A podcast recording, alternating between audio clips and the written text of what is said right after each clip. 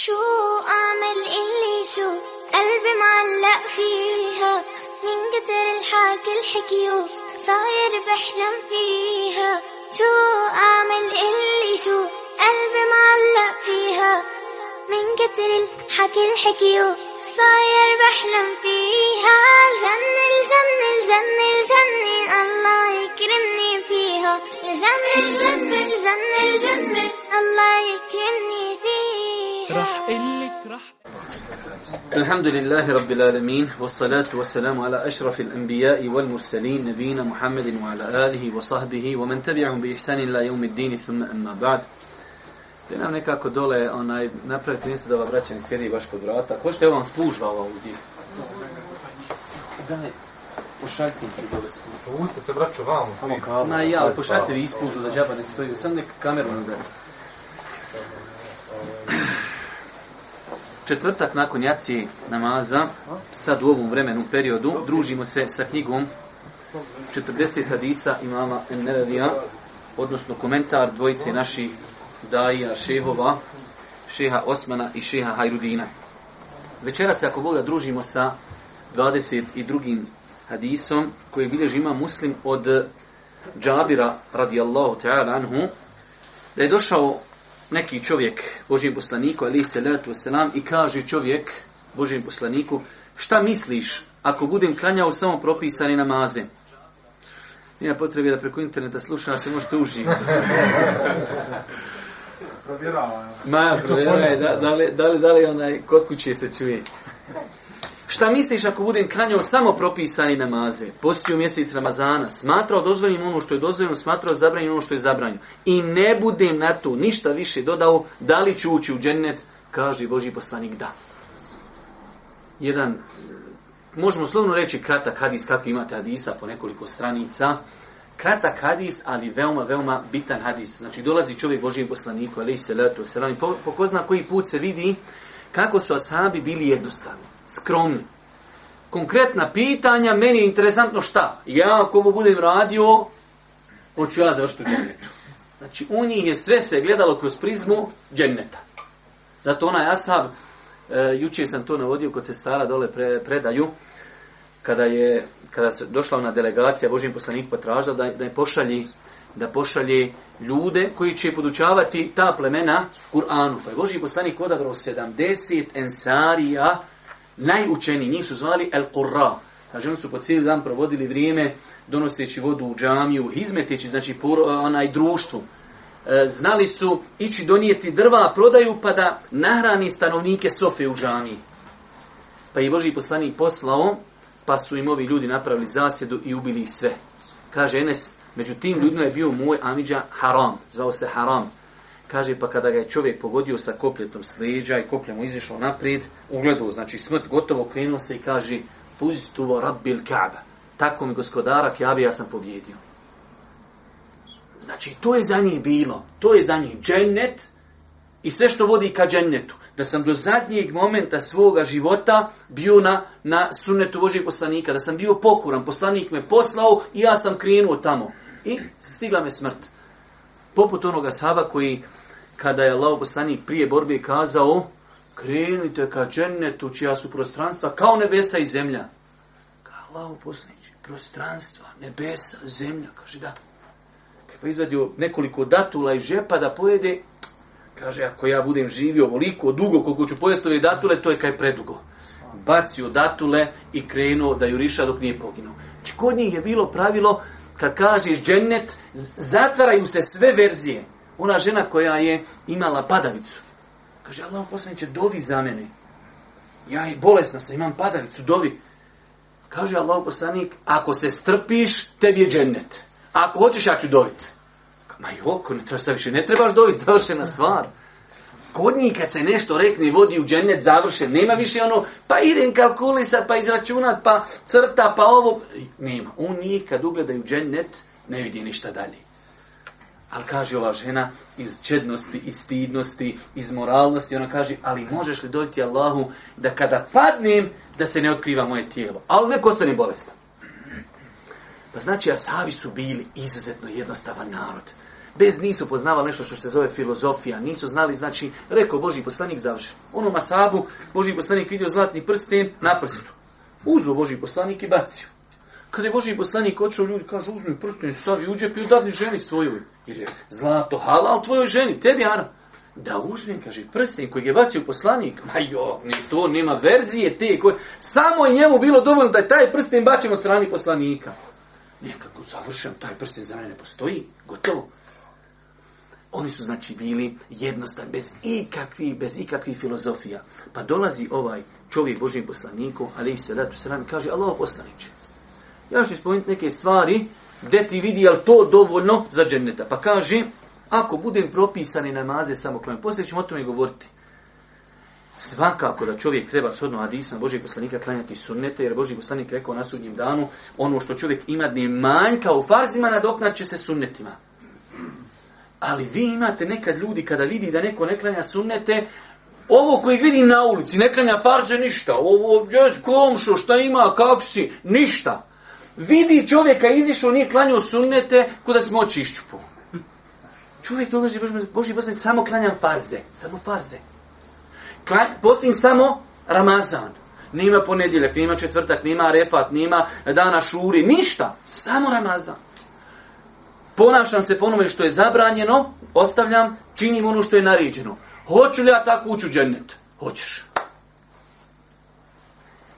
Ovo nije nikako omalovažavanje propisa islama, ali moramo biti spremni, braću moja draga, jedan od načina kako nastaju problemi u umetu jeste kada se razumu dadnije prednost na čerijatom. Jedan od glavnih razloga pojeli novotarija jeste to. Kada dadniješ prednost razumu nad islamom. Ja viš, jasan hadis! Ko bude klanio farze, u dženeće. Ne, ne, moraš klanjati sunet. I to dže, u džami, koje? Ba tebi niko ne vjera, ti to klanjaš kod kuće, čo, ti to ne mereš sa DNK dokazat, nema teorije. Samo ovdje te mi vidimo. Mi smo te vidjeli. Ma jok, ti to ne klanjaš i završena stvar. Pa znači, braću moja draga, moramo biti spremni da kad određena pitanja obrađujemo, da vidimo što je za njih rekao Islam. I onda samo kaže se, mi ja na vatana, čuli smo i pokoravamo se. Pa znači ovaj Asab je postavio jednostavno pitanje, ako budem obavljao farze, budem postio mjesec Ramazana, budem smatrao da je halal ono što je halal, to jest prakticirao, budem ostavljao ono što je haram, da li ću ja kao takav ući u džendet? Kratko, hoćeš. Završena stvar. Pa ovo je jedan veliki hadis, a opet prenosi ga jedan e, veliki Ashab Džabir ibn Abdillah, pa da čujemo nešto malo o Džabiru, jer hajde da kažemo, kad imamo prenosioca e, koji prenosi par hadisa i njegova biografija je malehna, neka tu i preskočimo. Ali Džabir radijallahu ta'lanhu je jedan od muktirina koji su prenijeli mnogo, mnogo hadisa od Božijeg poslanika, učestvuje sa poslanikom Ali Seratu Esram u velikoj većini bitaka koje je Božji poslanik e, e, bojio. Kod Ashabat je bilo jedno pravilo veliko, oni, oni su gledali kroz to ljude. Zato ćete naći skoro u svakoj biografiji Ashaba šta? koliko je bitan ako učestvuje s poslanikom. Zato ću oni naj, naj, naj, naj ugledniji, najveći kaže i učestvuje od bedra do kraja u svim bitkama. To je bio neki parametar vrijednosti. Zato je bilo e, u uh, onom događaju potvori a iši potvora iši kada je bilo, vi znate kako je se to desilo, pa jedan ashab je pao u tu fitnu ashab pao je u fitnu. Bilo je munafika koji su govorili e, o Aiši loše. Ali jedan ashab je pao u tu fitnu. Kada je njegova majka Aiši kazala da je on pao u to, bukvalno ga malo opsovala, uvrijedila, šta je kaže Aiša? Još Aiša ne zna šta se desilo. Ona kaže, hm, propu nege nispa. Kaže, če kaže, vrijeđaš čovjeka kakvog? On je bio na bedru. Završeno kod njih bio na bedru, nije masum, nije nepogrešiv, ali to nešto, nakon toga, to nije niko mogao više sustići. Nisu isti koji oni, kaže uzviše Allah nisu isti oni koji djeluju prije oslobođenja meke i poslije. Jednostavno, ima sve svoju vrijednost. Pa ovaj ashab zaista zaslužuje da malo pročitamo nešto o njemu. možeš, ajde, nema vezi iz početka. Džabir ibn Abdullah ibn Amr ibn Haram ibn Sa'lebe el Hazriđi el Sulemi el Ansari ibn Abdullah. I oni njegov otac i njegova majka su ashabi drugove Allahovog poslanika sallallahu alaihi veselem. Otac mu je Abdullah ibn Amr ibn Haram, jedan od učesnika na prvoj i drugoj akabi. Borio se u bitci na Bedru kao i na Uhudu u kojoj je poginuo kao prvi šehid. Majka mu je Enisa bint Ukve bint Adi ibn Sinan poznate znači događaj sa uh, ocem Džabirovim Abdullahom kad je poginuo pa je Allah poslanik ali se ratu je sram zakovo ga s nekim ljudima zajedno jer na Uhudu prvom muslimanstvu pretrpio jedan žestok poraz poginulo je 70 ljudi uh, e, izranjavan i dosta ljudi i onda još u to vrijeme trebalo iskopati kaburove pa je Boži poslanik rekao zakopajte po dvojicu, po trojicu ljudi u jedan kabur pa je Džabir, zako, e, pa je Džabirov otac Abdullah zakopan sa jednim čovjekom zajedno u kaburu kaže on, pa se ja nisam mogu smiriti jednostavno. Iako je prvo su odnijeli njegovog oca u Medinu, pa je Boži poslanik rekao, vraćajte sve koji su poginuli na Uhudu, tu će se zakopat na Uhudu. A on kaže, ja nisam mogu trpiti da moj babo leži s nekim u kaburu, to je on imao tu svoju neku viziju, pa je on očeo otkopu ga i zakopu ga da ima zaseban kabur. Znači, njegov otac, Abdullah, je poginuo na Uhudu. Dobro. I sam Džabir radi Allah van učestvoje na prvoj među 12 ensarija i drugoj akabi zajedno sa 70 ostalih. Toga, dan, toga dana bio je najmlađi od njih. Mm-hmm. Učestvovao je sa Allahovim poslanikom sallallahu alejhi ve sellem u 12 bitki. Kaže za sebe: "Nisam učestvovao na Bedru niti na Uhudu, zato što mi je otac zabranio pa kada je bio, bio ubijen, nisam nakon toga propustio ni jednu bitku sa Allahovim poslanikom, salallahu alaihi ve sellem. Mm -hmm. Bio je i od učesnika Hudejbije, Allahu poslanik, salallahu alaihi ve sellem, rekao je za njih, vi ste najbolji stanovnici zemlje. Da, to ovo su sve znači vrijednosti koje govori o ovom ashabu velikom. Vidjet ćemo koliko poslije da je 1540 hadisa premijen od Božih poslanika. Znači, dok je bio njegov otac živ, on ga je djelimično sprečavao da ide u borbu, ali kaže, kad je Bavo preselio, ja sam nakon toga borio se u svim bitkama sa Božim poslanikom, to je njegova velika odlika, bio je znači na Akabi prvoj i na drugoj, e, nakon toga, nakon Bedra i Uhuda, učestvo je sa Božim poslanikom, ali se letu se nam u svim bitkama, a evo vidimo što je Boži poslanik kazao za ljude koji su bili na Udebi. Dobro, dalje. Kaže Hišam ibn Urve, vidio sam u mešćidu veliku halku Džabira ibn Abdullaha u kojoj su uzmali znanje od njega. Znači bio je poznat, poznat po ilmu i po znanju. Rekli smo vam više puta e, da ashabi se dijeli u dvije kategorije. Imamo ashabe koji su prinijeli malo hadisa Božih poslanika, od kojih su na kraju kreva i Omer i Ebu Bekr. Pa čak i Osman, radi Allahu ta'ala anhu, e, dok imamo s druge strane ashabe koji su prenijeli mnogo, mnogo hadisa i svakako da, su, da je to pokazatelj i njihovog znanja, pa vidimo ovdje znači da su, da su ljudi oko njega okupljali i učili od njega znanje bio je jedan od ashaba koji su prenijeli mnogo hadisa od Allahovog poslanika sallallahu alejhi ve sellem, pa je prenio 1540 hadisa. Pred kraj svoga života je oslijepio. Kaže se da je umro 77. ili 78. hidžetske godine sa 94 godine života i on je jedan od posljednjih ashaba koji je preselio u Medini. Kaže se da mu je dženazu klanjao Eban ibn Usman koji je bio tada namjesnik Medine. Allah da bude zadovoljan sa njim. Amin. Dobro, ovdje imamo izvedbu hadisa. Mi smo rekli pravilo, ako je hadis zabilježen ili u Buhari ili muslimu, ili da su ga zabilježili Buhari i muslim, mi tu više e, ne, ne, ne ulazimo. Znači, to je e, za nas, pod navnim znacima, neka svetost Buharija i muslim završena stvar. Tako da ovaj hadis bilježi muslim, bilježi ga i mnogi drugi, ali dovoljno da ga samo bilježi muslim, završena stvar. Već nas interesuje jedna interesantna stvar. Prošli put smo o tome govorili. E, kada smo govorili o onom e, hadisu, reci ja vjerujem Allah, zatim ustraj. Pa smo spomenuli da isti ti, e, isto to znači nalazimo u Kur'anu. Inna alladine kalu rabbuna Allahu thumme staqam. Oni koji reknu mi vjerujemo, zatim ustraju i tako dalje. Ovdje imamo više drugih hadisa koji su došli u sličnom značenju kao i ovaj hadis. Pa da vidimo neke hadise koji imaju opet u sebi neku dodatnu korist. Sličan hadis se prenosi od Ebu Hureyre radi Allahom, da je jedan arabljan i rekao, Allahu poslaniće, ukaži mi na djelo zbog kojeg ako ga budem radio učit ću dženet. Odgovorio je, obožavaj samo Allaha i nikog mu ne, ne smatraj ravnim. Obavljaj propisane namaze, izdvaj obavezni zekat i posti Ramazan. Arabljan je rekao, tako mi onoga koji te poslao sa istinom, ništa na ovo neću dodati, niti ću išta od ovoga oduzeti. Kada se okrijenuo i otišao vjerovjesnik sallallahu alejhi ve sellem rekao je ko želi da gleda u stanovnika dženeta neka gleda u ovoga.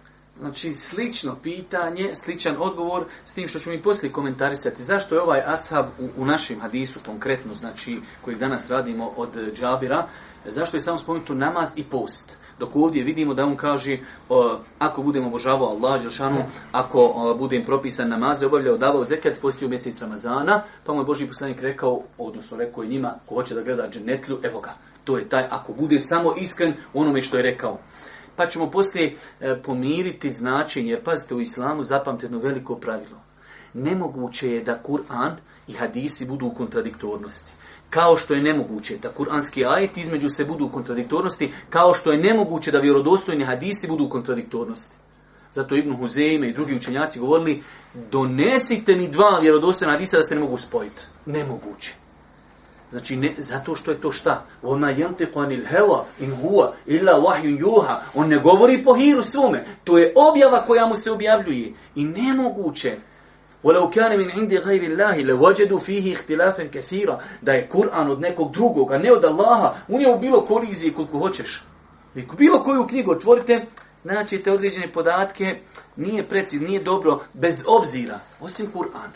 Ni jedan podatak u Kur'anu ne možeš mu prigovoriti nekada možemo mi imati problem dođe ti hadis gdje se kaže kod dodirni spolni organ kvari abdest, u drugom kaže ne kvari abdest. Eto vam kontradiktorno se. Hajde da vidimo šta je Ulema rekla po tom pitanju. Da li je Ulema rekla, e stvarno ovo je kontradiktorno. Pogledaj, u islamu ima nešto derogirani, derogirajući, kad je koji izrečen, ovaj se razumije ovako, ovaj se razumije onako i tako dalje. Pa i ovaj hadis, znači nije u koliziji sa ovim hadisima, već se može shvatiti da hadis džabira, pitao Asab, dok još nije bio propisan zekijat, još nije bio propisan hađ, pa je on pitao, Boži poslaniće, ovo sa što je do sad propisano? Propisan mi je namaz, propisan mi je post, ja ako ovo budem o, o, prakticirao, hoću li džene? Hoćeš. Ali to nikako ne isključuje, ne isključuje obaveznost zekijata, obaveznost hađa ili, hajde kažemo ovdje konkretno, i e, obožavanje uzdišnog Allah subhanahu wa ta'ala. Da čujemo drugi hadis. Također hadis sličnog značenja prenosi se od Talhe ibn Ubejdullaha radi Allahuan, koji kaže da je neki arabljanin oborine glave došao do Allahu poslanika sallallahu alaihi veselem i rekao, Allahu poslaniće, obavijest me čime je to Allah obavezao od namaza. Vjerovjesnik sallallahu alejhi ve sellem je odgovorio sa pet dnevnih namaza osim ako hoćeš šta još od dobrovoljnih. Arabljanin je ponovo upitao, obavijest me šta mi Allah propisao od posta. Vjerovjesnik sallallahu alejhi ve sellem rekao je, mjesec Ramazana osim ako hoćeš šta dobrovoljno. Opet je Arabljanin upitao, obavijest me šta mi je propisao od zekata. Vjerovjesnik sallallahu alejhi ve sellem ga obavijestio i ostalim propisima islama pa je Arabljani rekao, tako mi onoga koji te počastio istinom, neću ništa dobrovoljno činiti, ni ništa od onoga što mi Allah obaveznim učinio ostaviti. Allaho poslanik sallallahu alaihi ve sellem na to je rekao prisutnima, ako bude iskren u ovome, ući će u dženet. Mi iz ove stvari možemo naučiti jednu veliku korist koja ne znam koliko će danas sam na to pripremio, čitao, ne znam koliko je spomenuta, ali braću moja draga, ovi svi hadisi nama ukazuju koliko je bitno da ljudi ustraju na temeljima imate vjerodostojne hadise koje opet treba ispravno razumjeti. Da Boži poslanik kaže doće vrijeme. Prvo kaže ashabima. Vi živite u vremenu, kaže, kada bi neko od vas ostavio desetinu onoga što je naređeno, kaže, uništen je bio u propuli. Ali doće vrijeme kad ljudi, ako se budu držali desetine islama, kaže, uspjeći. Pa mi trebamo ovi hadise razumjeti, braću, ma draga, ja lično ne bi da, da, da me neko pogrešno shvati. Ali period koji je iza nas, u našem narodu, komunizam, e, koji je ciljao, zaista ciljao da u srcu insana uništi tauhid, vjerovanju Allaha. Na razno razne metode i razno razne načine. Za mene je ovo naše period, iako smo mi, e, vjerujte da smo mi, e, znači rođeni smo kao muslimani, e, i samim tim odmah se razlikujemo, ali vjerujte, znači, da se dobro možemo porediti sa stanjem e, u kojem je Boži poslanik Ali Selam živi u Mekke. I samim tim e, forsiranje nekih, nazovimo ih, sporedni, sporedni stvari. Ne smije nikako da bude naša glavna preokupacija. Ok, neko te pita, vidiš da može, hoće da to ponese, hoće da to praktikuje, dobro je. Ali da to ne bude naša preokupacija, ovo je preokupacija. Namaz, post, hađ, zekijat, ja rab, poslanik, pazite, šta mislite sad, šta bi neko od nas dao da vidi poslanika svojim očima? Valo, ja bih rekao sad, už planetu, už mjesec, už sunc, šta hoćeš, evo ti. Ti ljudi koji su poslanika gledali očima, on kažu, ja neću nikakve sumjete klanjati. Ja sam klanjam farze, kaže, ti ćeš u džennet.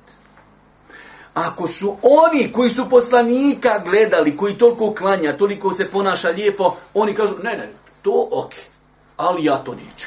I opet poslanik kaže, ti ćeš u džennet. Mi s toga trebamo naučiti jednu veliku davijsku korist, da ljude pozivamo u temele. Ko što je Muaz ibn Džebel, kada je Boži poslanik poslao u Jemen, u zadnjoj godini svog života, pojasnim, kaže, da Allahu robuju, nakon toga namaz, nakon toga zekjat krupne stvari, braćo moja draga, imamo, a, mi nekad moramo privatiti tu činjenicu. Nekad sebi zatvorimo vrata i kod svoje majke, i kod svog oca, i kod svoje rodbine, zbog nekih, nazovimo ih, pravo sporedni stvari.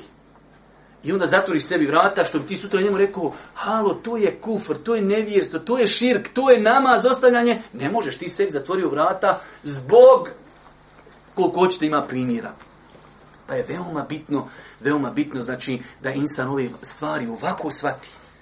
Ako su asabi mogli, gledajući Božije poslanika, reći, mi ćemo klanati sam farze, i on im kaže, tako ćete ući u džene, tako budete iskreni, onda je to nama veliki dokaz da mi našem narodu, koji, koji se, pazite, dobro da ljudi. Ja sam e, sinoć isto navodio predaju i danas snimao sam neke emisije, kada je Boži poslanik Ali se vratu sram obznanju svoju obznanju svoj davu. Pa ste uvijek je Meka bilo mjesto hađa. Pa kada je Boži poslanik obznanio svoju davu, Kurešije su napravile kongres. Kažu, hajmo sjest, da dogovorimo, da ne budemo kontradiktorni. Hajmo napraviti zajednički stav, šta ćemo poslaniku reći? Jer poslanik će ići na, meku, iće na minu, iće na refa, tiče s ljudima i u njih poziva. Hajmo mi, i e, pazi, nemoj da imadnimo kontradiktorne stavove hajmo nešto dogovoriti. Pa su sjeli kongres njihovi najveći, najumniji ljudi. Iako pogledajte Allahovoj hikmeta i mudrosti, oni su željeli da Boži poslanika e, pod navim znacima obrukaju, oni su bili razlog jer Boži poslanik nemoguće da ljude sve obiđe na hađu. Oni su slali svoje ljude na ulaze u Meku. Meka ima nekoliko ulaza i suđe delegaciju. I kogod dođe, Jesse, dobar dan, dobar dan, pazi, doli ima u Meki jedan, taj poziva u nešto, taj rastavlja muža od žene i ženu ovako onako, nemoj da bi ga poslušao. Pa su oni bili razlogom, subhanallah. Ko danas kad vidite mediji, pljuje podaji, pljuje podaji, onda neko dođe tamo i kaže, ma de da vidim ko je taj vehabija, tu, ma Boga mi dobro priča, de da ja to čujem. E, isto i oni, u to vrijeme, hajde kaj da se dogodimo, ali svi da istu stvar pričamo. Pa kažu šta bi mogli reći? Kaže jedan od njih, Hajmo reći da je sihribaz. Kažu ovi ljudi stari kurešije, mi smo vidjeli koju sihribaze. A ovaj čovjek nije sihribaz. Nije dobra tu verzija. Hajmo kaži, reći da je pjesnik. On, znači, on dolazi s nekim stihovima, sa Kur'anom. Hajmo reći, pjesnik. Opet ovi stari su, kaj, kaj mi smo slušali pjesništvo. Jer pjesništvo u to vrijeme je bilo vr. Ali ovo nije pjesništvo. Poslije će oni dogovoriti da reknu da je sihribas. Ali šta je pojinta? Jedan od njih kad su predložili da reknu da je pjesništvo, kaže jok. Njegov govor kaže inna li kelamihi la halava. Njegov govor ima slatkoću. Svana. Mušnici obožavaju, obožavaju kipove. Kaže njegov govor ima slatkoću. Haj mi daj kol muslimana u Bosni koji klanjaju, ne ovi koji ne, da, su, da znaju da Kur'an ima slatkoću da je osjetio jednom u život, kaj, ej, znaš da je, danas sam osjetio slas Kur'ana. Oni tek bolan u Meki, tek se Kur'an pošao objavljivati. Zato kažem, oni su u datom momentu, vjerujte, bez pretjerivanja, ali nas, elhamdulillah, spasuju na šehadet, mi smo rekli, la ilaha illallah, Boži poslanik je rekao, vjerodostin udma, vjerodostin hadisma, doće vrijeme kad ljudi samo reknu, la ilaha illallah, to će inšala spasna sudnjim danu. Mi se od njih raskujemo, imamo onu jedincu, oni su imali nulu. Pa mi šta god posljedince inšala dodamo, to je desetka, pa stotka, pa hiljada. Oni su imali nulu i nisu mogli ništa dodavati. Ali vjerujte da su neka pitanja bolje razumijevalo od nas. Znači, Ebu Talibu, kad Boži poslanik dolazi, kaže, pa te sam reci la ilaha ilala. Ne, on njemu nije uopšte tumačio šta znači la ilaha ilala. On zna šta znači la ilala. Mora se odreći odmah svih kipova. Nije, nije to rekao, jer je znao šta iz toga proizilazi. Zanas garantujem, hajmo otići dole na, hajmo otići na Bašćaršiju, zaustaj sto ljudi muslimanka, da molim te reći šta znači la ilaha ila. E, Hajde, molim te reći ti nama šta znači la ilaha ila. Garantujem, eh, od sto ljudi, 90 neće znati, sto posto. Deset, ja, ja, ja na tuca će, pa viće šta će reći. A 90 neće garant znaš šta znači la ilaha ila u najkraćoj jednoj verziji. Nema istinskog božanstva koji zaslužuje da bude obožavan osim Allah Đelšanu. Evo, to je najkraći la ilaha ila. Hajde, vidimo, zaustavi sto ljudi, napravi anketu, pa švi koliko će ljudi znati ovo reći. To su mušnici znali. Pa se vraćamo u ovoj temi, možda smo malo i odužili, ali je bitno, mi živimo u vremenu kada narod je se mnogo dalje od islama. Pa je najprioritetnije da ljude pozivamo u temelje, da ih ne opterećujemo nekim, e, nazovimo ih slobodno sitnim stvarima. Da li u namazu čovjek mica prstom ili ne, da li do ovdje dignut ruke ili do ovdje ili ovako, to su braćo moja draga, puno sporednih stvari. Ako oni te stvari forsiraju ljudi iz neznanja, nemoj da mi budemo ti koji će forsirati te neke, nazovimo ih, sitnice. Dobro, e, hadis ova ima veliko značenje, ali evo samo daj nam šta je rekao Ibnu Ređep. Ibnu Ređep, rahmehullahu ta'ala, kaže, Hadis jasno ukazuje da će onaj koji bude radio naređeno i ostavio zabranjeno ući u dženet. Dobro, hadis. Hadis svojom sadržinom obuhvata cijeli islam, njegove temelje i ogranke, obavezne i dobrovoljne radnje. Dobro, da vidimo šta kaže temelj hadisa. Tema e, hadisa. Tema hadisa. Ha, hadis govori da će onaj koji se ograniči na obavljanje farzova, to jest strogo naređenih radnji i ostavljanje harama, strogo zabranjenih radnji, spasti se i ući u dženet. I on je muktesit, umjerena osoba u islamu. Mi imamo jedan problem, pazite,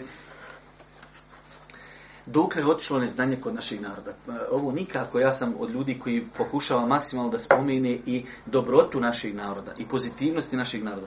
Ali e, garantujem vam da veli gruj ljudi koji klanjaju u džami, da ga upitaš dobro. Evo sad si klanjao podni namaz. Klanju si četiri suneta, pa četiri farza i dva su suneta. De mi moli interesi šta znači klanju sam dva, četiri suneta, četiri farza. Šta je ovo sunet, šta je farz? Ne znam. Ovo se zove, ovo mi je ime sunet. Sunet ovome ime farz, ali su oni isti. Ili ću klanja sve ili neću klanjati ništa. Ne, ću, ću parcijal, to, to nema teorije. Najosnovnija stvar, znači, ne znaš da znači sunnet, znači dobrovoljno, u smislu. Hajmo, ima čovjek koji priča, on će to pojasniti. Ima čovjek koji će to ništa pojasniti. Znači, sunnet, sama riječ u arapskom sunnet na fila, nešto dobrovoljno definicija sunneta, ono dijelo koje ako uradim imam sevap. Ako ga izostavim neću imat kaznu. To je jedna definicija. Haddu. Farz. Ako ostavim imam kaznu, ako uradim imam sevap. Daj mi da ako žurim na autobuskoj sam stanci, izišao sam u Minhenu, autobus kaj za dvije minute krećemo, ja nisam klanio podni, šta ću? Pa stekju, Allahu ekber, dva rekiata, jer sam u safir, idem u auto. Ne, ne, ne, ne, jok, pa steki u finu tesfi, bijelicu obuci i ne tu, en u sali, ti paša tu završiš, nije ga je čovjek svira, halo, idemo paša, nismo na teraviju došli u Minhenu. Klanjaš farze i kod Allaha na sudnjem danu, robe svi klanju, jesam, koliko dva musafira, alhamdulillah, završim. Pa ljudi ne znaju najtemeljitije pitanje šta je razga sunet i farze. Pa vidimo ovdje, znači, da ovaj hadis non stop forsira ko bude klanjao obavezne namaze. Obavezne namaze. Dobro, ovaj komentar, ovi riječi, one su, inšala, vizna, e, poprilično jasne. E, hajde malo komentar hadisa, on nam je malo interesantan, pa da prijeđemo na, na, na koristi. Komentar hadisa. Ovo je veličanstveni hadis. Obuhvata u sebi govor o dozvoljenom i zabranjenom, odnosno naređenom i zabranjenom svojom sadržinom hadis poručuje da onaj koji bude radio naređeno, a naročito praktikova osnova islama, te se ostavio zabranjenog i sumnjivog, može se nadati dženetu. Neophodno je da se naređene radnje rade i zabranjene ostavljaju iz pokornosti Allahu, to jest da se sve to čini radi Allaha. Normalno, ovo je samo pojašnjenje koji se podrazumijeva. Ako čovjek već klanja, ostavlja što je zabranjeno, čini ono što je naređeno, ne čini to zbog neke materijalne koristi, čini to radi Allaha, nadajući se Allahu subhanahu wa ta'ala nagradi, pa znači, inšal, to se podrazumijeva. Hajde dalje. Neophodno je da se naređene radnje rade i zabranjene ostavljaju iz pokornosti Allahu, to, je, to jest da se sve to čini radi Allaha. Uh mhm. -huh. Zatim, hadis govori o bitnosti namaza i posta, jer se oni ovdje po imenice spominju za razliku od drugih ibadeta. Sve to ukazuje i da je ulazak u dženet usko vezan s pokornosti Allahu, te je neophodno voditi računa o tim razlozima, razlozima ulaska u dženet. Svakako, opet konačna odluka pripada Allahu, pa se kaže da se u dženet ulazi Allahovom milošću, a stepeni dženetlja u dženetu razliku se shodno njihovim dobrim dijelima, ali opet rob treba da se, umilo, da se umilostivi svome gospodaru. Vidite, znači, može neko doći na ovaj hadis prigovoriti hadisom gdje kaže da, da su sabi rekli, e, znači da je Allah poslanik rekao, niko od vas neće ući u džennet zbog svojih dijela. Kaže, sabi, dobro, hajte, evo, možemo satiti mi, ali hata enta ja rasu, čak ti! Kaže, ne, nija, čak, a osim ako mi se Allah smiluje. Ovo je veoma bitno. Osim ako mi se Allah... Kako će mi se Allah smilovat? Može li mi se Allah smilovat, ja svaki dan ne klanjam? Već na nama je da budemo pokorni onome što se od nas traži na taj način priželjkivajući Allahu milost pa da uđemo u džennet zbog to. Mi znači da čovjek ne pomisli, eh, alhamdulillah, ovo sam farze i ja sam time eh, zaslužio džennet. Braćo, evo ja sam vam navodio neka primjere pa sam se malo smijal. Pogledaj koliko vrijedi jedno novo auto. Novo auto koje sutra ostaviš ga pretkuću, nis ga zapću, kradu ti ga. Slupaš ga na jednoj okuke ako nisi stavio zimske gume. Znači, puno truda si uložio, sati, sati, stotine sata si radi u firmi da kupiš novo auto. Ako je u pitanju vječni džennet, u pitanju hurije, u pitanju uživanja, u pitanju gledanju lica Allah, gledanju gledanju poslanike, jel se to može kupiti? Nemoguće. Možeš samo svojim djelima zaslužiti milost Allahov. Pa da Allah Žešan kaže, e, robe, ti ćeš u džennet. Ali da ti kao, ja sam toliko ibadetio, ja u džennet i ja to zaslužujem to je samo da je u pitanju vječnost. Da tamo sjediš čitav život, sam da se ispodrvetujem, da ne goriš, to je, ne mreš to zaraditi. Kamu li uživancija koja ima u džennetu? Pa se džennet, kao što kaže šehu Sejmin, ne može e, zbog naših dijela kao mukabil, znači da čovjek kaže ja sam to zaslužio svojim dijelima. Ne.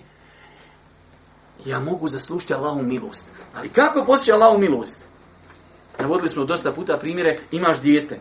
I ti svaki dan nešto naređuješ, on svaki dan nepokoran, nepokoran, nepokoran, nepokoran i sutra očekuje da budeš milostiv. Ili radnik koji ne sluša u firmi. Znači, budi dobar, radi što treba, pa kad jednom pogriješiš, ja ću ti to možda i tolerisati. Tako insan hoće uđenjet, radi sve što je naređeno, ostaje sve što je zabranjeno, a ono što na, u svemu tome ne daj Bože i pogriješiš, moli Allaha da oprosti. Dalji. Zatim, Hadi svojom spoljašnosti ukazuje na dozvoljenost ostavljanja svih dobrovoljnih dijela u potpunosti ali koji ih i ostavi i ništa od njih ne bude radio, sigurno će ga proći veliko dobro. Ovo je znači taj spoj između onoga što cijelo vrijeme govorimo, u osnovi insan kad bi obio samo farze, on nije griješan. Ali e, definitivno sunneti su u svakom pogledu, sunneti u namazu, sunneti u postu, sunneti u zekijatu, sunneti u hađu, sunneti u umri, da čovjek znači da je to prilika da zaradi mnogo dobrih dijela. Ali ne možemo čovjeka koriti ako čovjek, ako čovjek to ne radi. Idemo poruke hadisa. Prva poruka. Hadis ukazuje na velike ambicije drugova Allahov poslanika sallallahu alejhi ve sellem za sticanje šerijatskog znanja koje se ogleda kroz njihova pitanja za vjeru. To smo više puta pojašnjavali, znači iz tog njihovog dolaska dolazi negdje čovjek iz pustnje, Maksuz je došao samo da pita Boži poslanika da im pojasni, a idem nazad. Pa se iz toga vidi njihova pronicljivost, njihova želja, njihova ambicioznost, dolazi, pitaju, vraćaju se i živi potom. Dobro. Broj dva, Njihov plemeniti cilj bio, bio je ulazak u dženet i približavanje Allahu, a ne mnoštvo i metka, djece i dunjaličkih ukrasa. Tako da, da bi, kada bi im vjerovjesnik sallallahu alaihi ve sellem rekao da nešto traže od njega, tražili bi njegovo društvo. Jasno, znači ovdje vidimo da su oni prvenstveno, prvenstveno sve gledali kroz prizmu dženeta. Ide li tu prema dženetu ili ne ide?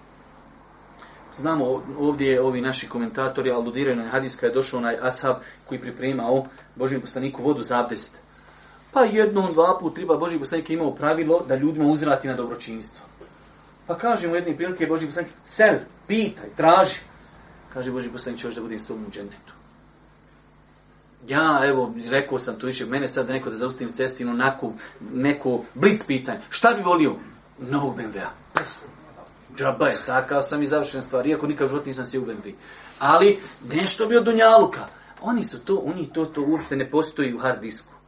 On živi za džendet.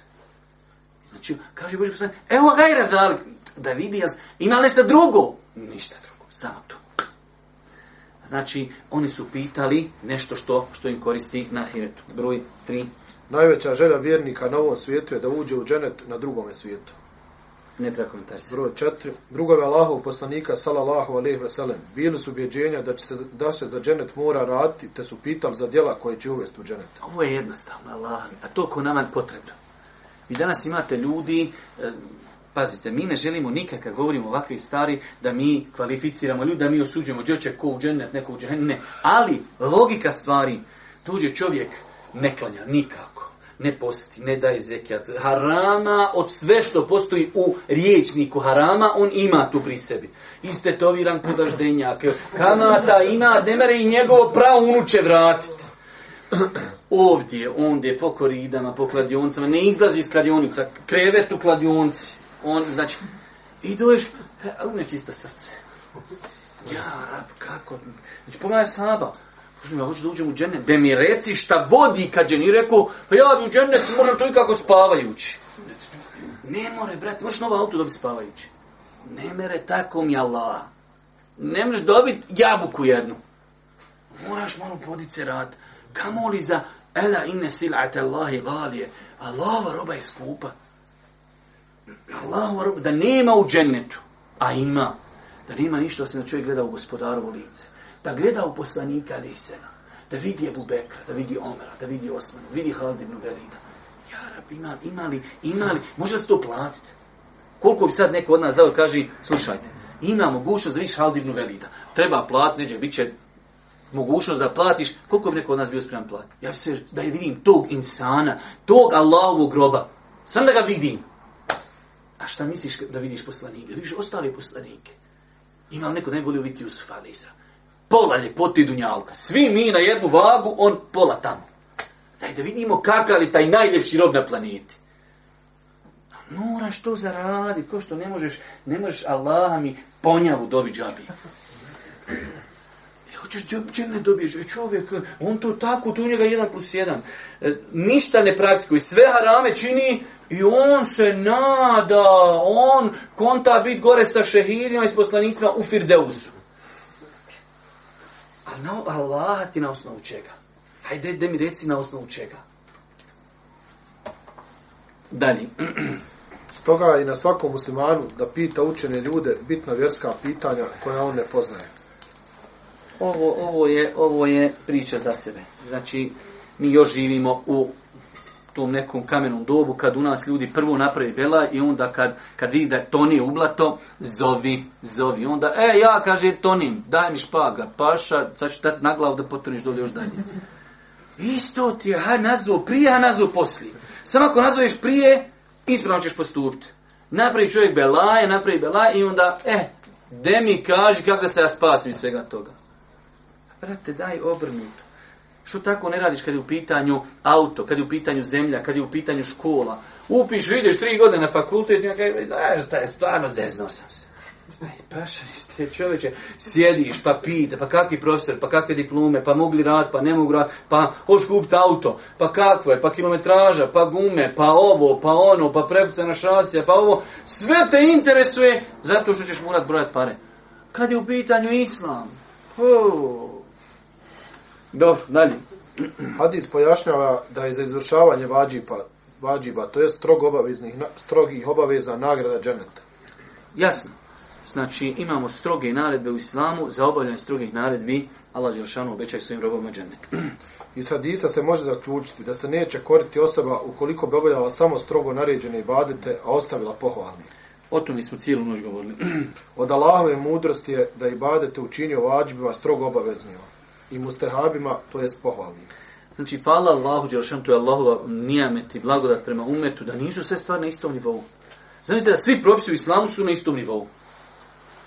Da je dizanje ruku u namazu, ko sam namaz, da je sve farz.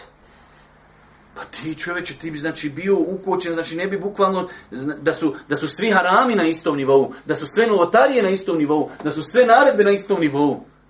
To bi bilo veoma teško čak Allah najbolje zna nemoguće. Ali Allah je šan dao pa da imamo, imamo uh, farzove, imamo doli ispod malo vađib, pa imamo nešto što je mubah, dozvan, pa imamo haram, pa imamo mekruh, pa insan znači nekad, ako i zatreba, ima tu i toleranciji. Dobro. Ukoliko bi osoba obavljala samo obavezne namaze, mogla bi ući u dženet. S tim da je svakako bolja osoba koja obavlja i na file pojašeno više puta. Činjenje dobrih dijela povodi ulaska u dženet, a sam hadis ukazuje da je od dobrih dijela koji uvode u dženet obavljanje propisanih namaza i post mjeseca Ramazana, prihvatanje halala i ostavljanje harama u potpunosti. Znači, vraćamo se non stop na, na istu temu, e, ovaj hadis, dok su njemu spomenuti namaz po, poimenično, e, post poimenično, to onda ukazuje na bitnost ovih ibadita. Hadis ukazuje na vrijednost namaza i posta, jer su povod ulaska u dženet. Namaz, a potom post, najveće su obaveze muslimani nakon vjerovanja u Allaha i njegovog poslanika, kao što su i najvažniji povodi za ulazak, za ulazak u dženet. Džaba je, znači mora insan da ukaza tudi na tu činjenicu da, da zaista današnje stanje umeta. E, ne bi ja sad da govorim o možda razlozima kako je došlo do toga, ali jednostavno zaista ljudi su znači toliko indolentni prema nekim najvećim temeljima. Evo možemo znači neke sporedne stvari, da li neko posti ponedak i četvrtak, da li neko ovo, to sve neke, nazovim, ali najkrupnije stvari, najkrupnije stvari, namaz. Ja lično bi imao mnogo toga govoriti šta su razlozi, ali znači generalno dijagnoza stanja naroda jeste da je njihov odnos prema najvećim, prema najvećim postulatima vjeri. Post, Vi vidite, evo, u gradovima gdje su muslimani većina, vidite kako restorani radi za Ramazan.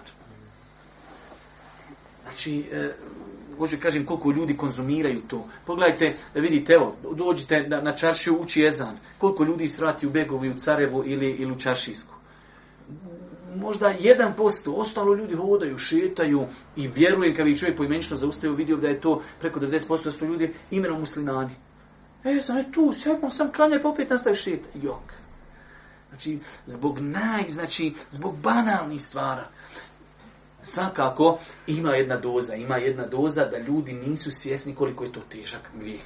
Jednostavno, ljudi to doživljavaju, namaz i to je to ono, može to tako.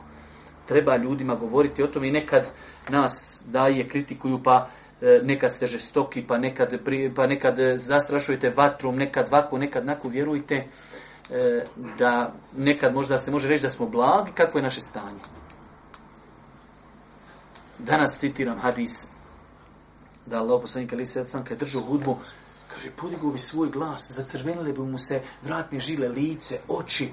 Kaže, kao da ukazuje na dolazeću vojsku koja će okupirati jedno mjesto. Zamislite, negdje odeš izvan Sarajeva i tamo dođeš kad vojska krenula prema Sarajevu kako bi se ti ponašao da dođeš u Sarajevo? Dođeš u Sarajevo, kaj, znaš šta je ljudi, haj sutra dođete, te drama nešto sutra kazat. O šta je, vi ćete sutra, ću vam kako pa do sutra, popadim u Sarajevo.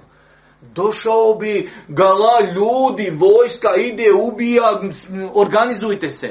Tako je poslanik držao dersove. Kaže, znao je na Mimber doć asabima, un viru komunar, nar, Kaže, toliko mi viku, upozoravam vas vatrom, da bi ljudi na pijaci čuli njegov glas. Palo mu džubes njegovi leđa, koliko je galamio. Ja znam jedne prilike, jedna osoba, školovan osoba, mene cilja. O, galami, uvijek galami, uvijek galami. Neka tako mi Allah, znači toliko, toliko smo ogrezli u grijesima, nema glada sam ko lavda krisnim čovječe, malo sam vrvuknu. U kakvim smo, Prijašnji narod, jedan se grije pojavi. Jedan grije se pojavi. Uništi se cijeli narod. Jedan grije se zna u narodu pojaviti. Jedan. I proširi se. Allah pošli kaznu, sve uništi. Pazi, kod nas ne postoji grije koji može čovjeku pasti na pamet. Da ga nema u našem društvu i to, da, i to, i to rasprostranjen, javno, ljudi se ne sakrivaju. I ništa, paša, spavaj, uživaj. Nemoj ga lamit, lagano, ne bi sad da govorim, imam jednu temu koju ne bi da otkrivam ovdje pred kamerom, da su ugašene kamere, pa vam mogu vam poslije ispričat onaj, neke stvari. Hajde dalje, dobro. Halal i haram u islamu je ono što je halalio ili haramio Allah u svojoj knjizi i njegov poslanik, salallahu alaihi veselem, u sunnetu. Znači ovdje se, kada je onaj Ashab rekao, ako budem halal smatrao halalom, haram haramom, misli se prvenstveno na one stvari koje su jasno definisane od strane Allaha Đeršanu, da smiješ, ovo je haram, ovo je halal. Znači, e, onaj ko ima pravo jeste uzvišen je Allah Đelešanu, poslanik Ali Selatu je sram opet putem objave. Broj 14. U hadisu nije spomenut zekat niti hađi iako su od temelja islama, moguće da je u vrijeme izricanja ovog hadisa hađ nije bio propisan i da osoba koja je pitla nije bila dužna davati zekat ili upa, ipak ulazi u definiciju pridržavanja halala i ostavljanja u potpunosti harama. Znači kad bi neko prigovorio na ovaj hadis i kaže nije spominut hađ, nije spominut zekat, e, možemo mu odgovoriti na dva načina. I oba dva su validna i oba dva su teška. Jer vi znate da, da jednostavno islam je e, vremenom kompletiran pa imate znači razlikuje se mekanski period gdje se većinom znači e, tačka stavljala na vjerovanje. Kad su ošli u Medinu, tek tada dolazi propisi, propisi, propisi. Pa moguće da ovaj čovjek postavio pitanje u period kad još nije bio propisan ni zekijat ni hač. I to, iako ja lično smatram imamu neveriju kao jedna mala opaskica, bolje je bilo da je ovakav isti hadis spomenuo neki drugi hadis u ovom poglavlju u kojem su spomenuti ostali stvari ali imam nevevi je daleko od toga da mu mi možemo nešto prigovarati. Pa znači, ima, e, prvi odgovor jeste da je ova jasa poslije ovo pitanje, te stvari još nisu bile nariđene. Druga stvar jeste da se kaže, kad je on rekao i smatraću halal, halal halalom i haram haramom, da namaz i zekijat on nije spomenuo čisto, jednostavno naveo je nešto što mu je palo na pamet. Ako budem postio, ako budem davo, ako budem e, obavljao namaz i tako dalje. Pa potpada e, naredba hađa i zekijata pod smatranja naređenim ono što je naređeno, smatranja harama ono što je zabranjeno. Dobro.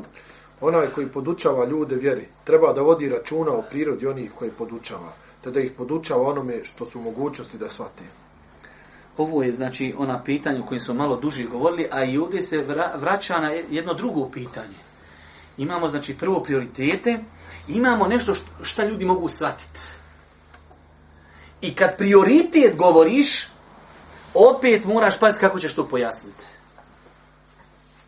Zamislite da, da imate, da imate e, dijete prvi razred, osnovne škole, imate fakultetlju i neko duđi profesor i njima dvojice želi da dadne istu lekciju danas u školi. Nemoguće. Ovaj tu dječak ne može, ne ti, možeš ti se ljutiti koliko hoće, ne razumije. Zato su došle izjave e, od Alije i drugih asaba, obraćajte se ljudima e, znanjem koje oni mogu razumijeti, koliko mogu shvatiti. Vjerujte, na, mogu vam navesti mnogo problem, pr, primjera iz koje je proizišlo mnogo problema, jer smo mi čačkali neka pitanja koja ne mogu ljudi progutati. Ti znam sad dijete, dojenče, dijete dva mjeseca. Ti, I kod kuće ti rezeš suđuku, je dobre suđuke, daj ženo dijetu suđuke. Da li on čovjek, on jedan mlijeko jede. Ne ne ženo, zdrava je suđuka, naguraj mu, tri četiri kola u tamo gurni. Pa što tu, a vala je utušćaš čovjeka. Utušćaš ti, nemoguće, ne more progutat. Nije došao na taj nivo da mu je dobro gorilo, koja pojde je završena stvar. E tako, ja sjećam jedne prilike, neću da vam pričam, duga je priča. Jedne prilike sam bio u situaciji kad je jedan insan ljudima nešto vazio. Sad ne da vam dolazim u kulnost, duga je priča, možda nekad kad bude akika da vam ispričam. Uglavnom, taj insan eh, imao je malo poremećene te prioritete. Bio je sa hađijama koji su, znači, ono, poprilično ljudi, eh, hajde da kažemo, mnoge stvari, nekon... Sve što ima, gdje smo pod najnim znacima mi ova mlađa raja se sa starim didovima razgledom, oni njima sve upo sata izbiflo. Od nokaba, od nogavica, od micanja prstiju, da ne govorim neka spitanja, ne smijem iskazati ovdje pred kamerom, eh, sve najosjetljivija pitanja, Allahom se kunim, jedan čovjek poslije, nakon što je čovjek ošao, održao on svoje što je održao, kaže jedan čovjek, došao čovjek na hađu. Kaže, vjerujte ljudi, sam pomislio da stojim islam. Ako ovu vaku, ja, ja ovu ne mogu. Ja ode, ja ode izvjeri. Što misliš dok li možeš dotjerati čovjek kada mu ti, e to je ovaj mali koji se mu natrpa mu suđu pio. U ženu, šta mu je ne voli suđu? Daj mu puri. Gruhaj mu, daj lopatu.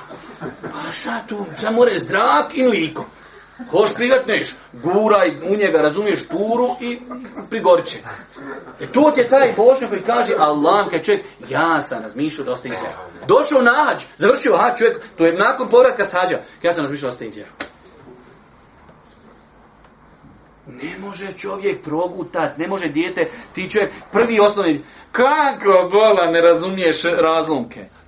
On ne, daj mi, daj mi da, da, da jedincu napišem, trese mu se ruka, zna jedva pravu linem. Kako ti ne, ne razumiješ razlomke? Korjenovanje, pa to ti je sine, kako? U korijen, drugi korijen vidi mrkva, čovječ, on sam vidi paprike, volano. Ne vreš mu pojasniti, nema kruha. Kaže, imaš ti tri jabuke, dadneš meni jedno. A ne dam, kaže. Ne vreš mu pojasni, čoveče. Dadneš ga je bratu, imaš triću glad, daješ bratu. Ne, ne, ne, ne, dam ja svoje, niko. Ne biš njemu ništa pojasnit će. I ti onda dođeš kako ni... Tako ljudi uvjeri Allaha mi. Dođe čovjek, on ima oko sebe Hamailija, paša, znači... I ti dođeš njemu o nekim stvarima. Gde bolam da prvo shvati da mačke, Hamailije, horoskopi, da to nema u islamu. Temelj je tako mi Allaha temelj. Pa znači, pitanje ovdje, ovdje su čak i spomenuli baš interesantnu stvar. Onome što su mogućnosti da svati. Znači, veoma je bitno da se ljudima daje onoliko koliko mogu da svati. Udavit će se, vallaj će se udaviti. Imaćeš mrtav slučaj, znači islamski mrtav slučaj. Prigorio, nemre, purio su mu puno na gruhu, tušio se čoveč. Ja vas priču sam jedne prilike. Jedan brat priča, Kaži, s nekim sam se komšijom gombo vremena i vremena da ga dovedem jednom na džumu. Vremena, vremena, to je trebalo vrijeme. Došao na džumu. I smo iz džumu i prilazi nam jedan brat, kaže, puf, pravo. E, brate, kaj haram ti je crvenu košulju nositi. Prvo nije haram, sunet nosi crvenu košulju. Sunet, Boži poslanik nosi crveno. Ali da je po konsenzusu haram. A, čovjek prvi put ušao, on bola ne zna klanjati, on prepisuje od drugi kako se klanja. Prvi put ušao na vrata, on ne zna šta je tamo, on konta tam, ulazi se uz, ne zna šta je džamija. Kaže, brate, haram ti nas crveno. Odi vam, Allah, ti da te stavim u crvenu vreću, da te bacim umore, čoveče. Ako ne znaš nešto, nemoj se petlja, čoveče. Nemoj se petljati, onda ti nije mjesto. Sjedi, poznaš ko si, šta si, džez, da vidiš malo, da ga procijeniš, pa da vidiš možeš li mu to dati. Dalje. Hadis ukazuje na olakšavanje, podsjecanje i donošenje radosnih vijesti prilikom podučavanja i širenja islamskog znanja. Definitivno. Dalje. Hadis nas podučava da prvenstveno treba graditi temelje vjeri, nama zekat, post, a potom stvari koje se gradi i dodaju na te temelje. Više nego jasno. Drugo je Allahov poslanika, salallahu alih veselem, pitali su hadisu za djela koja će uvesti u dženet, što potvrđuje neispravnost mišljenja